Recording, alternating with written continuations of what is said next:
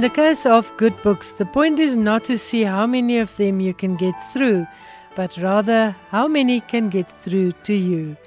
En so het Mortimer J Adler gesê en dit is so waar van die boeke in finansies skrywers en boeke. Baie welkom by skrywers en boeke. Ek is Elsje Salzwetel en ek hoop jy geniet vanaand se program. Eerste aan die beurt is 'n gesprek met Kirby van der Merwe. Nou jy sal waarskynlik sy naam ken as 'n joernalis, maar Kirby is ook 'n gevierde vertaler van Afrikaanse boeke en hy is die man wat aan Carol Campbell se Karretjies mense en twee ander soortgelyke romans uit haar pen Afrikaanse stemme gegee het en ek gaan met Kirby gesels hieroor en ook oor sy vertaling van Vrou van die Klippe See van Meg van der Merwe. Dan gaan ons meer uitvind oor die koop 'n Afrikaanse boekdag volgende Woensdag die 14 Augustus en ons gaan sommer ook by die Vriende van Afrikaans wie se inisiatief hierdie is meer uitvind oor hulle boeke trommels wat kinders met leesvaardighede en goeie boeke toerus. Die tweede helfte van vanaand se program fokus ek 'n bietjie op nuwe fiksie wanneer ek gesels met Karla van der Spuy, skrywer van Ware Misdaadboeke. En vanaand gesels ons oor haar splinternuwe boek Liefde agter tralies. Bly ingeskakel, hierdie is skrywers en boeke en ek is Elsje Salzwetel.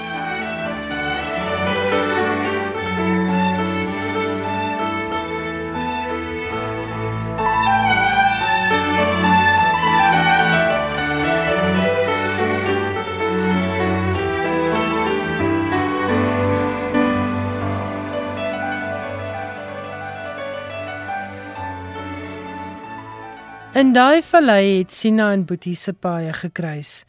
Daai man, Majola, het vir Pa gesê om te kom uitspan by die plek waar hy saam met ou Anna en Boetie gebly het. Ma wou gehad het hulle moet gaan vra of hulle op die missie se grond kan bly. Maar Pa het gesê hy ken vir Majola lankal en dit sal lekker wees om saam met 'n man wat hy ken, saans om die vuur te sit en gesels en ou Anna hulle gaan met haar gesels soos met 'n regte mens, nie soos daai vroumense van die dorp wat hulle neuse met hulle vingers toedruk wanneer sy nader kom nie.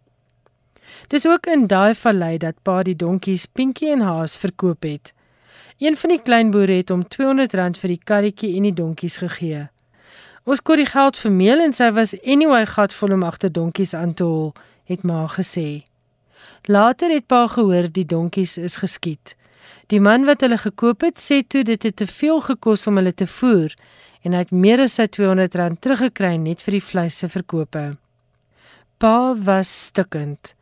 Daai donkies het hy geleer ploeg en sulke donkies wat kan ploeg, skop jy nie agter elke bos uit nie. Weke daarna het hy nog vir stories vertel van hoe Pinkie en Haas 'n ploeg kon trek. As ek skree links, links, links, dan gooi hulle linksom. En as ek skree regs, regs, regs, gooi hulle regsom. Dan het pa sy hande opgelig en kamaleisels vasgehou en hulle oor 'n stuk land gestuur.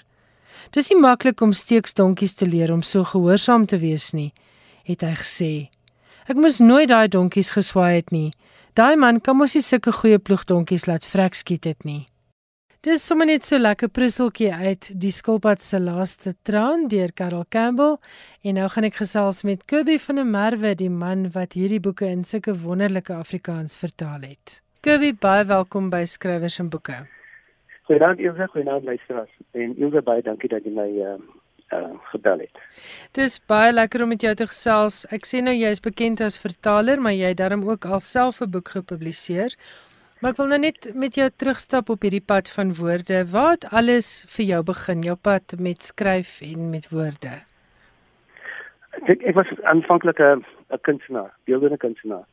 En ek het nou die ander dag met iemand gesê ek het op 18 'n uh, solo ek het 'n uh, uitstalling gehad.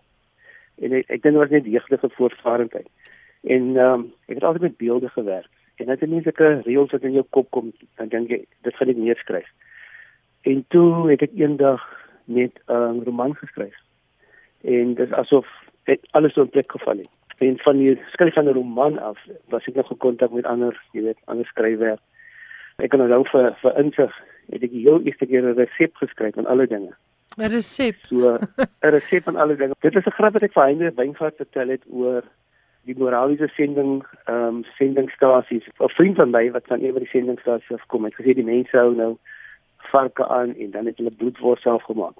Toe vertel ek hom die storie van die bloedwors en toe ek weer sien toe is daar uh, 'n resep vir bloedwors en die 'n foto wat gestyl is met bloedwors wat hulle gemaak het. Waar hulle die bloedwors in die hande kry, weet ek nie. En dit is waar die skrywer eintlik begin het, weet en dan resensies en so aan. En jy is um, jy is bekroon vir van jou uh, werk as joernalis, heelwat daarvan? Kyk, ek het glad nie journalistiek gestudeer uh, iewers nie. So, uh, miskien het ek um, ook al net so 'n apprenticeship geloop deur 'n belangstelling in woorde, so amateur belangstelling in woorde. En uh, toe ek in die universiteit ingaan, was dit beskikbaar maklik oor nogal 'n wye um, algemene kennis hier. Tot vandag te stel ek 'n verskriklike verskillende goed belang. Dit is al van ja, van tapisserie tot tot harde kuns, ja. Myn sien met 'n journalist um, wye algemene kennis het. Was verskillende ehm um, kennisvelde, maar jy hoef nog nie 'n vertikaal kennis te hê nie. Net so oor die horisontale algemene kennis. So dan mense om ten minste die wel van die praat en rond te soek. En dieselfde skryfwerk ook, mense by lees en ehm um, belangstelling in die wêreld, ja. Kobe, hoe gebeur dit toe dat jy bekend word as vertaler? En vertel vir ons meer van die boeke wat jy moes vertaal. 'n Hele paar jaar terug het hulle vir my gevra om Chris van Wyk se uh, boek te vertaal. Die boek het um, baie vreemde titel gehad, um, uh, Eggs to lay, chickens to hatch. Eggs to lay and chickens to ja, hatch. Ja, ja. En um, ek het die boek begin vertaal en te later kom ek agter dit is 'n dit is 'n reël uit 'n baie ou jazz song uit. En dit was verskriklik moeilik om die om die titel te vertaal. En ehm um, Chris het dit vir myself vertaal. Ehm um, hy het gesê as 'n wonder wat nie kon lê. In die geval van Karretjie mense weet ek 'n werkstitel neergesit Karretjie mense en toe die teks die manuskrip vertaalde manuskrip gestuur. En toe verskyn die boek met die werktitel Karretjie mense wat ek dink wat 'n uh, wat eintlik 'n verskriklike goeie titel eintlik was. Want die Engelse titel is um My hmm. Children Have Faces. Ja. En dit gaan spesifiek oor die karretjie mense en die titel dink ek was toevallig die regte die regte titel. Jy het ook uh, Zoe Wickham se Oktober vertaal en Carol Campbell se Esther's House en nou onlangs Carol Campbell se boek wat jy vertaal het as Die skilpad se laaste traan. En dis vir ja, so mooi dat jy dat juis jy gevra is om hierdie boeke wat sulke pragtige stories oor ons land vertel te vertaal want jy het nogal 'n slag met vertaling. Die die, die boeke is alles 'n lewenswêreld van 'n sekere groep van die bevolking, kom ons sê net breinmente. So dit gaan as jy Chris van Wyk gaan vat, dan is dit 'n gedeelte van Pretoria waar die boek afspeel. So dis 'n spesifieke Afrikaans en 'n spesifieke wêreld ehm um, leefruimte. Ek en Chris is omtrent dieselfde ouderdom, so dit is vir my maklik om alhoewel hy van Pretoria was en ek van die Kaap, is daar goed wat ooreenstem. Byvoorbeeld, ehm um, soos in lekkers of in klere en sekere goed. So ek ek ek ek, ek verstaan onmiddellik wat hy wat hy bedoel. Ek hoef nie navorsing te doen nie, jy weet. In die geval van Joey Wickham is woord kom ons sê maar na Makwalandse Afrikaans. Maar sy skryf soos akademikus en wat Zoe se boek moeilik gemaak het is omdat sy ehm um, skryf oor veral Amerikaanse boeke, jy weet die Harlem Renaissance boeke en spesifieke swart uh, Amerikaanse skrywers so in die skrif moet jy weet wanneer is jy besig om 'n skrywer aan te haal. Mm. Jy kan nie daai woorde gaan vir Afrikaans nie. Dit is reëls uit 'n boek of 'n titel uit. So jy moet 'n klein bietjie algemene kennis oor Amerikaanse, kom ons noem dit maar swart Amerikaanse uh, letterkunde om daai spesifieke boek te vertaal. Dit teks, ja. Ja, ja. Carol se boek is die heel eerste een wat skarretjie mense wat gaan ek dink dit speel af daar by uh, Prins Albert en daai in daai deel van die Karoo. Daar naby ehm um, Liugamka. As ek dit mm. reg lees, jy weet ek weet nie spesifiek nie, maar as ek byvoorbeeld by Liugamka ry en ek sien Carol se beskrywing, dan sien jy Liugamka, jy sien die die ehm um, die Shell petrolstasie. Jy sien sekere landmerke wat wat in die boek is. So die die Afrikaans is 'n tipe van Karoo Afrikaans. En ehm um, die ander boek speel af, Karel se volgende boek, uh, hy vir Esther speel af in Oudtshoorn. Dis ook die Karoo, maar ek dink dit is bietjie verbyde van mekaar af. En die laaste een is 'n skuld wat se laaste traan wat ook om 20 dae omgewing afspeel. Wat is vir jou die trekkrag van boeke soos uh Carol Campbell? Hoe dink jy mense behoort dit te lees? Karel het eendag 'n wonderbaarlike skrywer. Sy sê verskriklike helder of nader aan storie vertel soos 'n mens kan kom. Sy skryf 'n Dis is 'n joernalis, jy weet alhoewel Carol 'n joernalis was. Sy skryf 'n amper die oerstorie wat ek wat 'n skrywer is ek dink baie mense nie het het nie van as jy as jy te akademies wil skryf of in Afrikaans waar mense in vlakke skryf of as jy 'n uh, akademiese agtergrond het, dan gaan 'n mens baie maklik en en jy kom 'n uh, uit 'n uh, die onderwysstelsel uit van sewe dae by die stolbestein en daai tipe van goed. Dit alles is baie gelaai. Ja. Kerel skryf byvoorbeeld 'n teks van 'n karakter. Ek wil amper sê sy mors nie tyd om natuur te beskryf nie. Dit gaan net met die karakter en die aksie. En dit is 'n verskriklike wonderlike manier om te skryf. En mense kon so skryf. Dit is baie gestroop, né? En soos jy sê die die karakter bly sentraal. Ja, soos ek sê, 'n mens kan baie maklik beval in landskapbeskrywing of natuurbeskrywing of binne gesprek en dan nie eintlik by die by die storie self bly nie. Maar dit is amper soos 'n kampvuur. Dit is negatief gestel nie, dit is eintlik positief. Waar die ou oervertelling van by 'n kampvuur sit of by 'n by 'n staanvuur sit en iemand vertel 'n storie.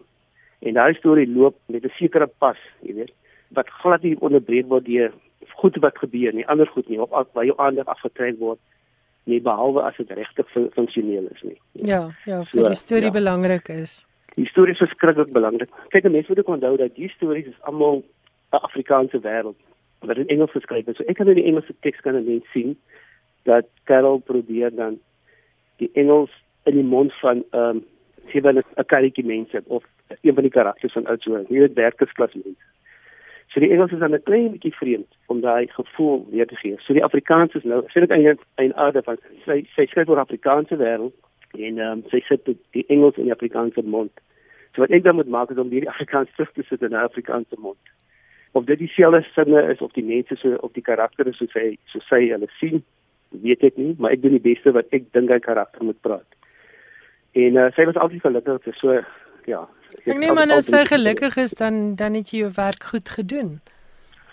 Ja, en anders ek het net eendag vir Karel eendag gevra. Sal die mense kyk ons het 'n paar dis vir funksionele karakters. Sal hulle 'n sekere woord gebruik of die volgende woord gebruik? Hulle sê amper die leliker woord of die mooier woord. En sy sê gaan altyd vir die leliker. Jy weet van dit is nog 'n paar disfunksionele karakters mm. daar. Jy het ook 'n boek vertaal wat op die oomblik op RSG voorgeles word, Vrou van die Klippe See van Meg van der Merwe. Hoekom is ja. dit so 'n belangrike boek? Ek dink dit skryf weer 'n wêreld 'n spesifieke wêreld oop. Dis nou die, die boek speel nou af in die Weskus en dan in die Kaap. Jy weet jy so Vredenburg sal dan in daai gebied. Maar dit spreek ook, jy weet 'n sekere leefwyse van die karakters aan die vissermense aan en 'n bietjie van die van die politiek. Maar die ding is dit belangrik dat die boek geskryf word want 'n mens kan wag dat 'n boek geskryf word en die tyd gaan verby. So dit is deel van 'n groter genre. Ek dink wat net gedoen het daar, miskien sy akademikus soos hy weet het. In Afrikaans kry jy die plaasroman en dan kry jy mos nou die vissersroman. En daai is 'n spesifieke vissersroman. So ek weet nie of sy is vas van daai spesifieke Afrikaanse genre die vissersroman nie. So dit is nogal 'n nuwe weergawe van die van die ou vissersroman. En dit is nie 'n uh, sagte pastelkleurige weergawe nie. Dit is die die visserslewe in al sy hardheid, né? Ja, dit is op 'n op 'n manier, maar dit is tog baie sag van ek kyk omdat ek die gebied nogal goed ken, kan jy sien as iemand wat hulle maar van buite af skryf. So in my geval het ek 'n keuse of ek kan die karakters baie Weskus rof laat praat of ek kan die karakter 'n bietjie versag. Dan jy nie in die vertaling wil jy nie die leser vervreem nie. Ja, dit ja, dit is absoluut die hartheid van die lewe en uh, so 'n binnekyk na na die vissers vissersbedryf. Spesifiek die die kreef en toerisme bedryf op 'n Weskusdorp. En dit is mooi karakters. Dit is vir my 'n heerlike leeservaring gewees. En daar was ook iets van die fabelagtige amper die misterieuse in hierdie roman gewees, hierdie watervrou. En die mense is reg tot aan die einde van hierdie boek nie regtig seker of jy hier te doen het met jou en die visserman se verbeelding of met 'n regte ding nie. Dink jy dit is um ook 'n dapper ding gewees om te doen in Afrikaans?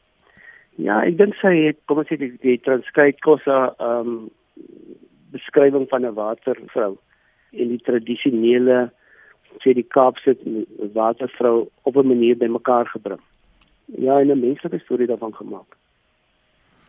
Natuurlik as Suid-Afrikaner is ons almal super bewus van polities korrektheid en so Kirby en ek is seker daarvan jy is ook nie 'n uitsondering nie. Nou wil ek met jou praat oor die vertel van stories, ander mense se stories deur spesifieke mense want dit kom nou terug na die hele argument wat Lionel Shriver so jaar of 2 gelede geopper het van cultural appropriation met anderwoorde kulturele toeëning, maar jy het net nou 'n belangrike ding gesê en dit is dat 'n mens te bly moet wees as hierdie stories vertel word. Is dit hoe jy voel oor iets soos Carol Campbell wat 'n boek skryf oor karretjies mense en sy's nie self 'n karretjies mens nie? Uh jy sit my op op on the spot eintlik. Ehm um, maar kom ons begin by Carol. Carol se boek was 'n Engelse joernalis wat in die Karoo woon en dan 'n storie skryf oor oor die karretjie mense. En ehm um, toe ek eers ek die manuskrip kry te dink het, o, vader, hier hier is 'n moeilikheid want gewoonlik kom al die probleme met met, met so iets, jy weet hoe mense van buite af oor ander mense skryf. Ehm, um, maar net om vinnig te spring na jou vraag toe, dit gaan nie eintlik oor of 'n mens iemand se storie kan skryf. Jy kan dit natuurlik aan jou skryf. Die probleem is as as jy iemand anders se storie skryf, behalwe dat dit 'n bietjie aanmatigend is vir alles wat ehm jy weet as jy as jy in daai storie in inskryf. Van daar is nog ander stories waar jy vir jou mee kan besig hou, jy weet. Hoekom sê jy nou spesifiek oor 'n ander groep mense van skryf? ek meen jou hele lewe is ryk genoeg om sekere stories te soek. Maar as jy nou wil, dan eh, vra wonder mense altyd wat is die motief? Hoekom wil iemand heeltemal oor oor oor 'n ander groep mense gaan skryf? Veral in Suid-Afrika wat alles politiek gelaai is. Waar mense wat nie kan skryf en dis stories opgeskryf kan word. En die een kant is die skrywer se reg seker om te skryf waaroor hy wil. Die ander een is dat sekere stories gaan nie verdwyn in die niet, dit kan opgeskryf word. So as iemand iets opskryf, dan is dit altyd goed, jy weet dokumenteer. Carol Campbell self, so so manuskrip wat hy die eerste keer kry. So ek gedink die manuskrip op die skrywer gaan presies in dieselfde slagrate en jy weet trap. Maar ek het lees te besef ek dat ehm um, sy het 'n ongelooflike besef en begrip van van die mense se leefwyse en die situasie waarin hulle bevind. En ehm um, ek het dit al gestel ook ehm um, as hy iemand was wat daai storie moes skryf, dan is Carol absoluut die perfekte persoon gewees om dit te skryf. Ek woon in 'n klein dorpie, ek praat met mense, ek woon ek ek is oud genoeg om met baie mense te praat. En ek sou nooit daai spesifieke boek kon skryf nie. Want my geaardheid is nie so nie en ek het nie nie daai toegang wat sy gehad het tot die mense. Jy weet, ek, moet sê ek het uh, ek het drie van haar boeke gelees en elke keer was ek absoluut verstom oor die binne kyk na die lewe van een gesin en een familie binne die opset van daai, jy weet van die van die karige een kant en die, en die opset van die Karoo. En hulle verhouding met ander mense en boere in die omgewing en hulle diere. Ek wil gou weet skryf jy op die oomblik aan iets? Ja, ek ek skryf op die oomblik aan 'n roman. Is eintlik so drie manuskripte wat ek weer bymekaar moet saamvoeg want ek het um, dit lank gelede geskryf En toe was ek in journalistiek, jy weet, en, en dan en dan as jy te lank wag met 'n boek met 'n manuskrip per jaar of twee dan raak jy oud. Van die kwessies binne in die ding verander, jy weet, en mm. die smake begin verander. So wat ek nou doen is om die ding hard en vas oor te skryf. So ek het dit nou klaar oorgeskryf en nou so ek sal nou begin met 'n ek sal die redigeringsproses van die van die nuwe roman. En so gesels Kirby van der Merwe, ek het met hom gesels oor die vertaalwerk wat hy gedoen het vir Carol Campbell, haar drie boeke waarvan die laaste een die Skulpad se laaste traan is en dan ook Vrou van die Klippe See van Meg van der Merwe wat Kirby in pragtige Afrikaans vertaal het. Jy luister na skrywers en boeke, jou belangrikste bron oor Afrikaanse boeke. Dis nou my voorreg om te gesels met Sheraldine van der Merwe van die Vriende van Afrikaans daar in Stellenbosch. Sheraldine, goeienaand en hartlik welkom by Skrywers en Boeke. Uh goeienaand Ilse en ook aan al die luisteraars. Dis byna weer tyd vir die jaarlikse Koop 'n Afrikaanse Boekdag, Sheraldine. En ek wil hê jy moet vir ons asseblief daarvan vertel. Dit vind plaas op die 14de Augustus wat volgende week is. So ek dink is belangrik dat die luisteraars hierdie week alles hoor wat hulle kan oor die Koop Afrikaanse Boekdag. Ja, Ilse, soos jy sê, ek is hier in, in Stellenbosch en ek is betrokke by die Vriende van Afrikaans wat natuurlik 'n divisie van die ATKV is. En ons Koop Afrikaanse uh, Boekdag vind jaarliks op die 14de Augustus plaas wat ons probeer bereik deur middel van die Kop Afrikaanse Boekdag is om mense aan te moedig om ons Afrikaanse skrywers te ondersteun. Ehm um, weet baie keer um, staan 'n mens in 'n boekwinkel en jy wil graag 'n John Meyer se nuutste boek of dalk ietsie koop uh, van Ingrid Winterbag of so iets en jy wikkel weeg want ehm um, boeke kos nog al 'n bietjie geld. So uh, deur middel van hierdie projek uh, bied verskillende boekwinkels of uitgewers bied dan ehm um, op hierdie dag afslag aan, promosies aan om boeke in die Afrikaanse boeke in die hande te kry. So as daar een dag 'n jaar is wat jy gerus maar jou sak kan skud en nog gaan afslag kry vir Afrikaanse boeke, is dit nou die 14 Augustus. Absoluut. Baie van die van die winkels sal byvoorbeeld um, vir vir die hele week sal hulle byvoorbeeld verskillende promosies aanbied op Afrikaanse boeke, spesifiek Afrikaanse boeke, Bybels ook en so voort. So ons wil mense uh, aanmoedig om te sê op die dag um, um, wil ons um, toewy om Afrikaanse geskrewe woorde te versprei. Ons wil ook die publiek aanmoedig om Afrikaanse boeke te koop want as ons skrywers ondersteun, kan ons op die manier seker maak dat daar altyd Afrikaanse lekker leesboeke beskikbaar uh, gaan wees vir mense om te lees. Nou vertel vir ons 'n bietjie van hierdie afslag. Het julle 'n plek waar mense kan gaan kyk watter boekwinkels bied afslag of hoe gaan 'n mens weet? Ja, ons het nou um, in in verskillende uh, tydskrifte ons in in die nuutste kuier en dan ook op 'n uh, huisgenoot se webwerf op die ATKV webwerf. Ons sal ook nou deur die loop van die week op ons um, Facebookblad inligting in deurgee waar mense kan sien watter winkels afslag gaan aanbied en ook hoeveel afslag um, beskikbaar gaan wees. So as 'n mens ehm um, byvoorbeeld nou dink aan hoe moeilik dit is, uh, ekonomies moeilik dit is vir mense om 'n bestaan te maak, verstaan 'n mens ook dat dat dat boeke nie noodwendig mense eerste opsie is. As 'n mens moet besluit, jy weet wat wat jy moet koop Maar ons wil tog vir mense sê op hierdie dag is daar dalk hierdie spesifieke boek wat jy nou al lank in gedagte het. As jy hom dan nou nie vir jouself kan koop nie, dalk vir iemand wat nie 'n boek kan bekostig nie. Goed.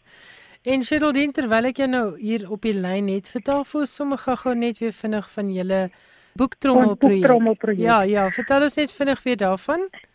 Ja, ons ons boektrommelprojek, dis 'n projek wat ons landwyd uitrol en ons kry maar deur middel van mense of organisasies wat ons ondersteun baie keer borge of skenkings kry ons geld in die hande uh, baie keer uit Nederland uit ook sodat ons uh, boeke kan verskaf aan goed bestuurde kleuterskole maar ook graad R klasse wat dan ook deel van die laerskole vorm. So deur die boektrommelprojek se ons verseker dat kinders so vroeg as moontlik aan boeke blootgestel word om seker te maak hulle word wel in 'n woordryke omgewing groot en dat ehm um, dit baie keer uh, is dit is die skooltjie die enigste plek waar kinders regtig blootgestel word aan 'n nuwe boek en die gevoel kry van van die reek van 'n nuwe boek en die gevoel van hoe dit voel om uh, 'n nuwe boek te hanteer. So ons versprei dan nou hierdie trommel soos ek sê landwyd aan verskillende uh, kleuterskole en laerskole en die die projek het eintlik al so uitgebrei dat ons ons gee nie net boeke af by by skole nie maar ons doen ook boekopvoeding want ons sien ehm um, daar is 'n behoefte dat dit kom nie vir almal natuurlik om te weet wat die waarde van boeke is en hoe om met boeke te werk nie. So as deel van die boektrommel projek gaan ons dan uit na die skooltjies toe en ons gaan lees vir die kinders 'n storie, maar ons leer ook vir hulle hoe om boeke te hanteer en hoekom dit belangrik is En dan saam met dit bied ons dan ook voorleeswerkswinkels aan want ons het ook baie gou agtergekom nie almal wat by kleuterskole byvoorbeeld werk wat dit kom nie natuurlik vir hulle om vir kinders stories voor te lees nie. So ons bied dan ook werkswinkels aan om mense ek wil half toe te rus om te weet hoekom is dit belangrik om vir kinders so vroeg as moontlik te lees en wat gebeur wanneer daar vir hulle gelees word Maar tydens die werkswinkel gee ons ook van 'n lekker nuttige wenke as 'n mens dan nou nie byvoorbeeld toegang sou hê tot boeke nie. Wat 'n mens kan doen met die minimum tot jou beskikking. Goed, jy het nou geraak aan 'n belangrike punt wat vir my baie na in die hart lê. Vertel vir ons luisteraars net weer, hoekom is dit belangrik dat daar vir kinders voorgeles word en dat kinders aan boeke blootgestel word? Um, die uh, belangrike ding is ehm um, Ilse wanneer mense vir kinders so vroeg as moontlik lees, dan assosieer hulle dan ehm um, boeke met liefde. Hulle sien dan mamma, pappa of wie ook al wat na aan hulle is, maak tyd om vir hulle te lees. So dan besef hulle dat lees 'n baie belangrike ding in 'n kind se lewe is. So as ons vir hulle dan so vroeg as moontlik blootstel en hulle sien daar word tyd gemaak vir al vir al een op een tyd ons weet met die um, besige tyd wat ons het het ek nou die dag um, gelees dat um, kinders 'n mens eintlik vir jou kind 'n uh, half net 11 minute kwaliteit tyd per dag hê om met hy kind te spandeer. En as 'n mens nou die dag sou afsluit dalk met 'n met 'n storie, is 'n 'n voor 'n kind gaan slaap, dan um, word hy kind rustig en daar is hy gebonde tyd tussen ouer en kind wat die kind dalk met die ouers sal gesels oor iets wat dalk sou gebeur het deur die loop van die dag wat nie noodwendig sou gebeur het as jy nie vir hom lees nie. Die ander ding dan ook wat belangrik is vir voorlees, uh, kinders leer uh, sien outomaties dat 'n mens van links na regs lees. Hulle sien ook wanneer jy blaai dat daar daar midlyn kruising plaasvind. Al hierdie goed wat belangrik is om kinders uiteindelik gereed te maak vir am, vir die amptelike leerproses gebeur eintlik wanneer 'n mens vir hulle voorlees. En ook wanneer hulle nou natuurlik self 'n boekie vashou en jy saam met hulle omblaai en voorlees ja. want want die kind moet ook leer soos jy nou nog sê om 'n boek met respek te behandel en met Absoluut. liefde. Goed Absoluut. en ek neem aan mense wat dan nou niemand het om 'n boek voor te koop op die Koop Afrikaanse Boekdag wat die 14 Augustus is. Julle kan dan vir Sheraldine hulle ondersteun en vir hulle boeke koop vir hulle boeke trommels. Is ek reg Sheraldine? Sal julle skenkings ja, waardeer? Absoluut, absoluut. Ehm um, Ilse, hulle kan ook vir ons kontak as hulle As hulle dalk miskien finansiëel wil bydra tot die boektrommel projek, kan hulle vir ons kontak. Ons kan dan die bankbesonderhede ook voorsien waar in die geld inbetaal kan word. Ons wil ook mense aanmoedig om te kyk in hulle eie omgewing. Dalk is daar 'n skooltjie wat wat 'n behoefte het. Koop 'n paar boeke en gaan skenk dit by jou kleuterskool of jou skool waar jy waar, waar dit daar dalk 'n nood is waar dan nie boeke beskikbaar is nie. Ek het gesels met Sheraldine van der Merwe van Vriende van Afrikaans en hulle is die mense wat vir ons elke jaar die Koop Afrikaanse Boekdag reël. Dit is die 14 Augustus en daar is oral afslag op Afrikaanse boeke. En as jy wil doodseker maak dat die winkel wat jy ondersteun ook Afrikaanse boekafslag bied, gaan maak 'n draai op die ATKV se webwerf by www.atkv.org.za of gaan loer op huisgenoot of kuier se webwerwe of op Vriende van Afrikaanse Facebookblad om te sien wie bied afslag op Afrikaanse boeke die 14de Augustus. Soos beloof gesels ek nou met Karla van der Spuy. Sy is die skrywer van 'n hele aantal nuwe fiksieboeke oor misdaad en Karla se jongste boek Liefde agter tralies het onlangs verskyn. Karla, baie welkom by Skrywers en Boeke. Baie dankie Elsje. Ons ken jou as joernalis. Baie mense sal jou naam herken van verskeie tydskrifte waarvoor jy skryf. Maar vanaand wil ek met jou gesels oor jou jongste boek Liefde agter tralies. Nou waaroor gaan dit? Ehm, dit gaan oor mense wat verlief raak op moordenaars. Ek het gedink moord en liefde is 'n goeie kombinasie, want almal stel belang in moord of nie almal nie, maar baie mense kyk na hierdie ehm um, CI programme op televisie en ehm um, liefde is ook 'n baie gewilde onderwerp. En toe dink ek, laat ek nou 'n boek skryf oor mense wat liefde agter tralies gevind het. En ek het 'n verskeie gevalle studies, so ek gaan opsoek, ek het met mense gaan praat en ek het op baie interessante gegevens afgekom. Maar toe neem ek dit nog 'n bietjie verder, toe dink ek maar wat van naaste liefde, nie net romantiese liefde nie, maar ook mense wat uitreik na iemand wat hulle glad nie ken nie en dan 'n pad met hulle loop terwyl hulle agter tralies is. Goed, vertel vir ons van 'n paar van hierdie gevalle studies waaroor jy skryf in Liefde agter tralies. Goed, weet jy die een wat amper die meeste aandag gekry het is die sogenaamde boeremagbruid, Red Pretorius. Ja, sy was nou, onlangs in die koerant ook, né? Dis reg. Sy sê dit is onlangs in die koerante en sy's oog swanger en ehm um, sy het toestemming gekry van die kommissaris en hulle het van ehm um, kunsmatige bevrugting gebruik gemaak. So ja, daar's 'n baba op pad as die baba nou nog nie hier is nie. Maar ja, ek het 'n lang onderhoud met haar gevoer. Ons het mekaar ontmoet iewers in Pretoria en ek het die hele hoofstuk vir haar gestuur dat sy heeltemal gemaklik is daarmee want dit is natuurlik sensitiewe inligting seker vir haar is 'n baie persoonlike verhaal. Sy is gevra deur sy noem dit nou oom wat hulle al twee ken of sy nie asseblief met Willem sal korrespondeer in die tronk nie want mense raak maar eensaam in die tronk.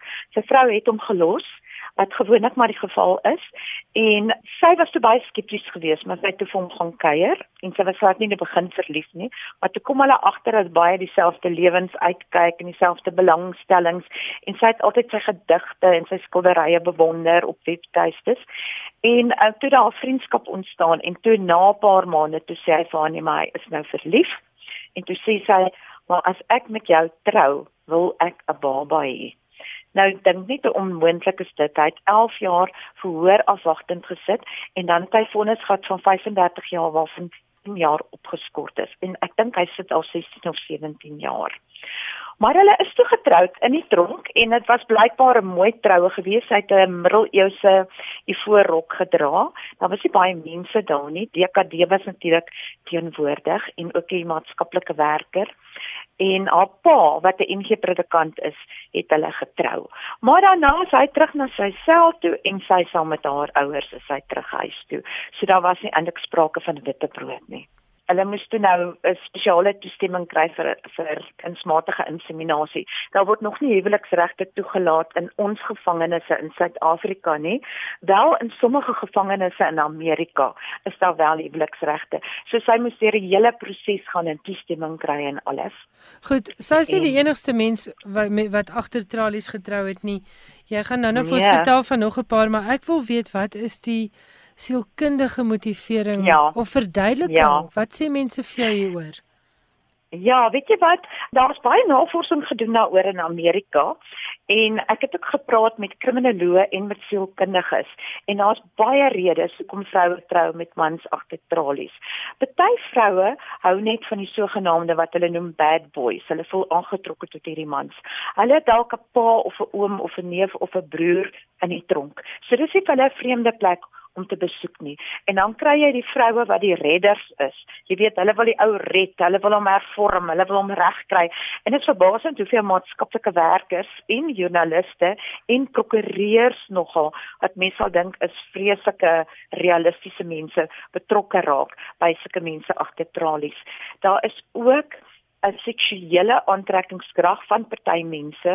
Hulle noem dit ek weet nie of ek dit reg uitspreek nie, hybrostophilia, dat hulle seksuele aantrekkingskrag voel vir daai tipe mense. En dan is daar party wat maar net sommer verlief is. Jy weet vir alles hulle bitter jonk is, maar sulke huwelike hou gewoonlik maar net 2 jaar.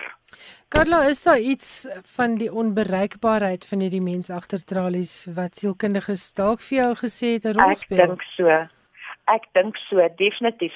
Van die vroue is eintlik maagde en dan bly hulle hulle lewe lank, bly hulle maagde want uh, daar was 'n vrou byvoorbeeld in Amerika en ek dink in Engeland in Amerika wat 'n selferkende maagd was en sy is getroud met 'n met 'n reeks moordenaar en so daai huwelik is nooit volvoer nie en dit het al goed gepas. Party vroue wil nie daai nabye seksuele of persoonlike kontak hê nie. Hulle wil eintlik 'n man in die tronkie. Hulle wil hom gaan besoek een keer 'n week. En daar's veiligheid want baie van hulle kom uit 'n gewelddadige omgewing, maar nie almal nie. Ja. Daar's veiligheid, daar's wagte, daar's tralies, daar's allerlei dinge daar en ja, hulle kan hom op 'n afstand hou. Maar dis nie net vrouens in jou boek nie, daar nee, is ook die skedelik skedelik moordenaar. Hy was ja. jonk toe hy nie toe hy tot tronkstraf. Dis reg. Of hy was bitter jonk. Hy was bitter jonk geweest.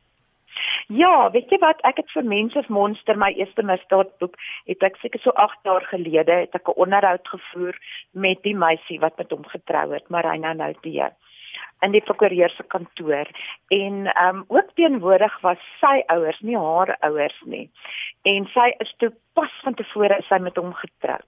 Wat gebeur het is dat sy 'n familielid in die tronk gaan besoek op een van die oop dae En dan kan jy vrylik meng met die gevangenes en jy kuier saam en dit is 'n groot sosiale hoogtepunt op hulle kalender. En sy het gaan kuier nou vir die familielid en toe ontmoet sy nou die skielik moordenaar se ouers, die Nels.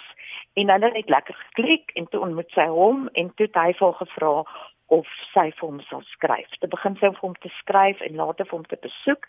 Sy was maar 9 18 of 19 jaar oud toe besluit sy nee sy wil met hom trou. Maar hy het 168 jaar gekry, maar sy het al hoop gefestig daarop dat hy miskien na 20 jaar parol sou kry en dat hulle dan ook maar deur moderne tegnologie of wat ook al dat hulle dalk 'n baba sou hê. Maar die huwelik het toe net 4 jaar gehou. Nou sy het gebly by die ouers. Hulle was verskriklik goed vir haar. Hulle het haar ag hulle was op die punt of haar kar te koop. Sy het by hulle huis gebly sy het saam met hulle om gaan besoek elke naweek en sy het net eendag op die bus Pretoria toe gery en nooit teruggekom nie. En ehm um, so dit was miskien vir haar te veel, jy weet, 168 hmm. jaar is daarom verskriklik lank en ek weet nie of hy ooit sal sal uitkom nie. Ja. Maar so hulle is toe nou geskei, dieselfde prokureur wat Johan se saak gedoen het en wat by hulle huwelik teenwoordig was in die tronk het toe ook die egskeiding hanteer. Geef ons net 'n oorsig van van die ander gevalle studies waaroor jy skryf. Ons wil nou hê die lesers moet die boek gaan koop. So dit is nie net liefde nie soos Karla gesê, daar's ook naaste liefde, vriendskap. Betrokke. Naaste liefde. Dit is dit is net ongelooflik dat mense net uitreik. Daar's byvoorbeeld 'n vrou Sonja Jordan. Nou Sonja is 'n geestelike werker in uh, vyf verskillende gevangenisse. Sy help my ook om boeke te versprei die Reading for Redemption. Ek moet dit nou noem, jy weet. Ja, nee. Dit is baie belangrik dat boeke uitkom by die gevangenis. En Sonja het eendag 'n radioprogram behartig. En toe het sy gesê tieners kan haar bel as hulle probleme het. En toe bel Kobus Pretoria se haar uit die tronk uit. En sy sê toe net vir hom wil jy ek moet jou kom besoek? Te sê asseblief tannie. Toe gaan besoek sy hom en hulle het op pad geloop en sy sê hy het opregte berou getoon. Hy het heeltemal sy rug gedraai op die boere maag hy het geen kontak meer met sy familie nie. Hy word ook afsonderlik aangehou en sy en haar man het elke sonderdag hulle is in hulle 70s vir hom gaan kuier en as hy uitkom gaan hy by hulle bly en haar man gaan vir hom werk gee want hy het ook 'n uh, opleiding as ingenieur en die man is 'n ingenieur. En ehm um, so hulle ondersteun hom heeltemal en hy noem hulle ma en pa. So daai is absoluut 'n naaste liefde wat jy kry. En dan 'n pel vir my Jacques Prat. Hy is 'n gewese onderwyser, maar hy is ek dink hy het liefdadigheid en uitreik na mense wat hy sal met moedersmelk ingekry. Want hy is altyd besig om te kyk na jy weet hy hy help honde en katte wat op straat is. Hy help mense wat Alzheimer het. Hy raak betrokke by gevangenes. En hy het 'n storie gelees wat Dana Snyman geskryf het in in huisgenoot oor Luanda. Um wel oh kan nie se van onthou nie. Maar hy is die moordenaar van Marike de Klerk. Hy doen toe aansoek om vir Loyanda te gaan kuier. Dit is nou jare gelede. Sy is so beïndruk met die werk wat gedoen is in die Woester gevangenis en Loyanda en 'n paar van die ander het 'n groep of hoop gestig waardeur hulle uitgereik het na weeshuise en kinderhuise en hulle brood gespaar het en dit vir die weeshuiskinders gegee het en groente geplant het. En toe dink hy hy wil regtig 'n pad loop met die man en hy het gereeld vir hom gaan kuier, hulle bel mekaar op Kersfees. Luyanda het vir hom geskenkies gemaak en hy het ook vir my gesê as Luyanda die dag uitkom op parol, dan moet hy dadelik terug gaan Ooskaap toe gaan hy hom eers huisves vir 'n dag of twee het om hom soort van voor te berei. So daai is ook absolute naaste liefde. Hy glo mense verdien 'n tweede kans.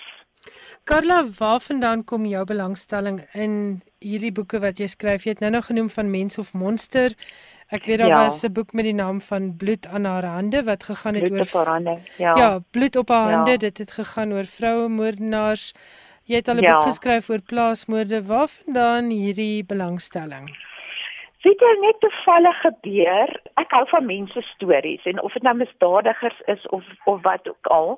Ek is nie baie mal oor slep stories nie. Ek vind die mense wat in een of ander donkerte verval baie interessanter.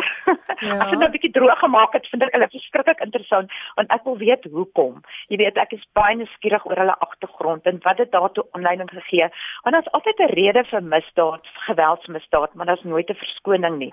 En so die een boek net tot die ander gelei, maar wat gebeur het is dat Marita Snyman was een van die beoordelaars by die Caxton Magazine Awards waar jy 'n klomp toekennings gekry het. en sy het my toe genader en vir my gevra of ek nie 'n boek wil skryf oor misdaad nie. En ehm um, ek vergeet dit daarvan gaan met my werk en 'n maand later vra hulle my ek het nou al 'n boek in gedagte. Toe sê ek vir hulle, "Nee, wat wil julle hê waaroor moet ek skryf?" Toe sê hulle, "Jy's 'n joernalis, dink jy iets uit?" En toe ek net van tevore het ek 'n storie gedoen vir 'n tydskrif oor 'n organisasie in 'n tronk uh, wat geweldsmisdadigers, ek praat van moordenaars en en 'n kaper gestig het om ook uit te reik na buite. En ek dink toe maar ek wil nou uitvind wat is hulle ware motief. Jy weet, is hulle nou maar net goeie verhoogakteurs wat 'n goeie indruk wil skep om parol te kry of het hulle nou werklik die lig gesien en hervorm? En toe na 'n verskriklike gesukkel en 'n lang koffiedייט met die kommissaris vir 4 ure lank wat ek hom moes oortuig hoekom ek die storie wou doen, is dit goedgekeur en toe ontmoet ek hulle in die tronk se kapel. En daar sit toe 10 moordenaars om my in 'n halfsirkel en 'n kaper en almal is so charmant en so vriendelik dat jy kan nie glo hulle daai verskriklike misdade gepleeg nie. Toe begin ek te dink maar is daar nie 'n mens agter daai monster nie. En ek het ook 'n onderhoud gehad met Dr. Irma Laviskag, nie die bekende kriminoloog wat nou al oorlede is, ook vir 'n tydskrif storie. En sy het vir my gesê, jy kan nie met daai mense werk as jy nie glo dat die liewe Here hulle ook geskaap het nie. En ehm um, jy weet daai twee gedagtes in my kop vasgehaak en toe dink ek dit was so eintlik wat onleiding gegee daartoe. Toe dink ek mens of monster. Ek nou gaan kyk daarna. En toe die een boek maar net gevolg op die ander en ja, nou is ek nou maar in die onderwêreld waar die uitgewers my wil hou. En dit was Karla van der Spuy wat so lekker gesels het. Karla se jongste boek Liefde agter tralies word uitgegee deur Tafelberg Uitgewers en as jy belangstel in van haar vorige misdaadboeke, gaan maak 'n draai op Lapa Uitgewers se webwerf www.lapa.co.za. En ons het gehoor Karla praat van Reading for Redemption. Sy is 'n groot dryfkrag agter hierdie leesprogram vir gevangenes. As jy van jou boeke wil skenk vir Reading for Redemption, kontak vir Karla by karlavanderspy@gmail.com.